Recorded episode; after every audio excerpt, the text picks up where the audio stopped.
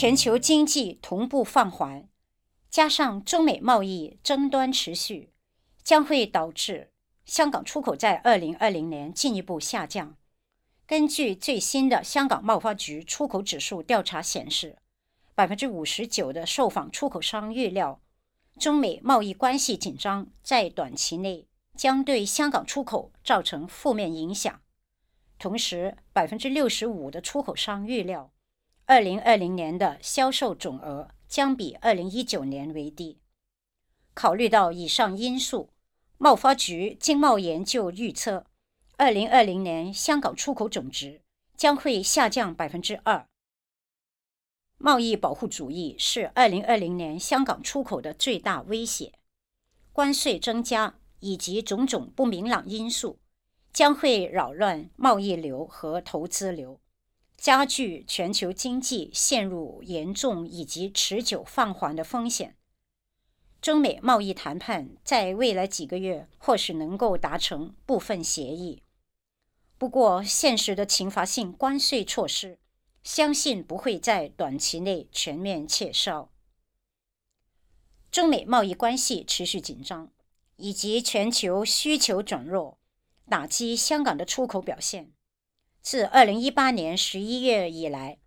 香港出口已经转为负增长，而且保持下降趋势。二零一九年前十个月，香港出口比上年同期下降百分之五。出口市场方面，香港对美国的出口降幅最大，达到百分之十三，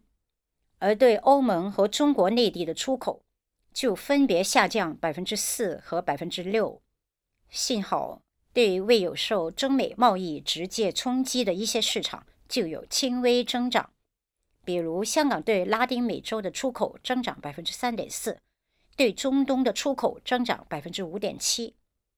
至于香港出口和区内其他市场相比，降幅并不算特别严重。二零一九年前十个月，新加坡出口下降百分之六，而日本和韩国的出口。也分别减少百分之五及百分之十一。由于贸易争端持续不断，全球需求转弱，全球经济在二零一九年失去增长动力。国际货币基金组织估计，二零一九年全球经济增长只有百分之三，是二零零八年金融危机以来的最低水平。二零二零年的增长预测将回升到百分之三点四，但是能否如愿，当中存在很大变数，主要看表现欠佳的发展中经济体能否反弹。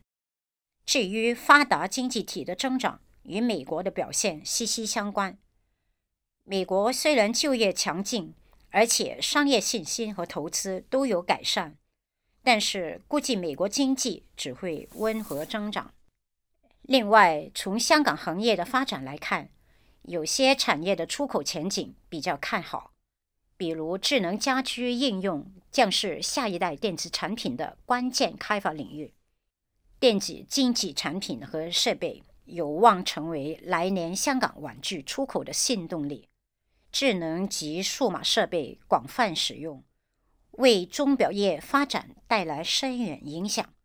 与智能手机和其他数码设备兼容的智能手表，将是香港手表出口的主要增长动力。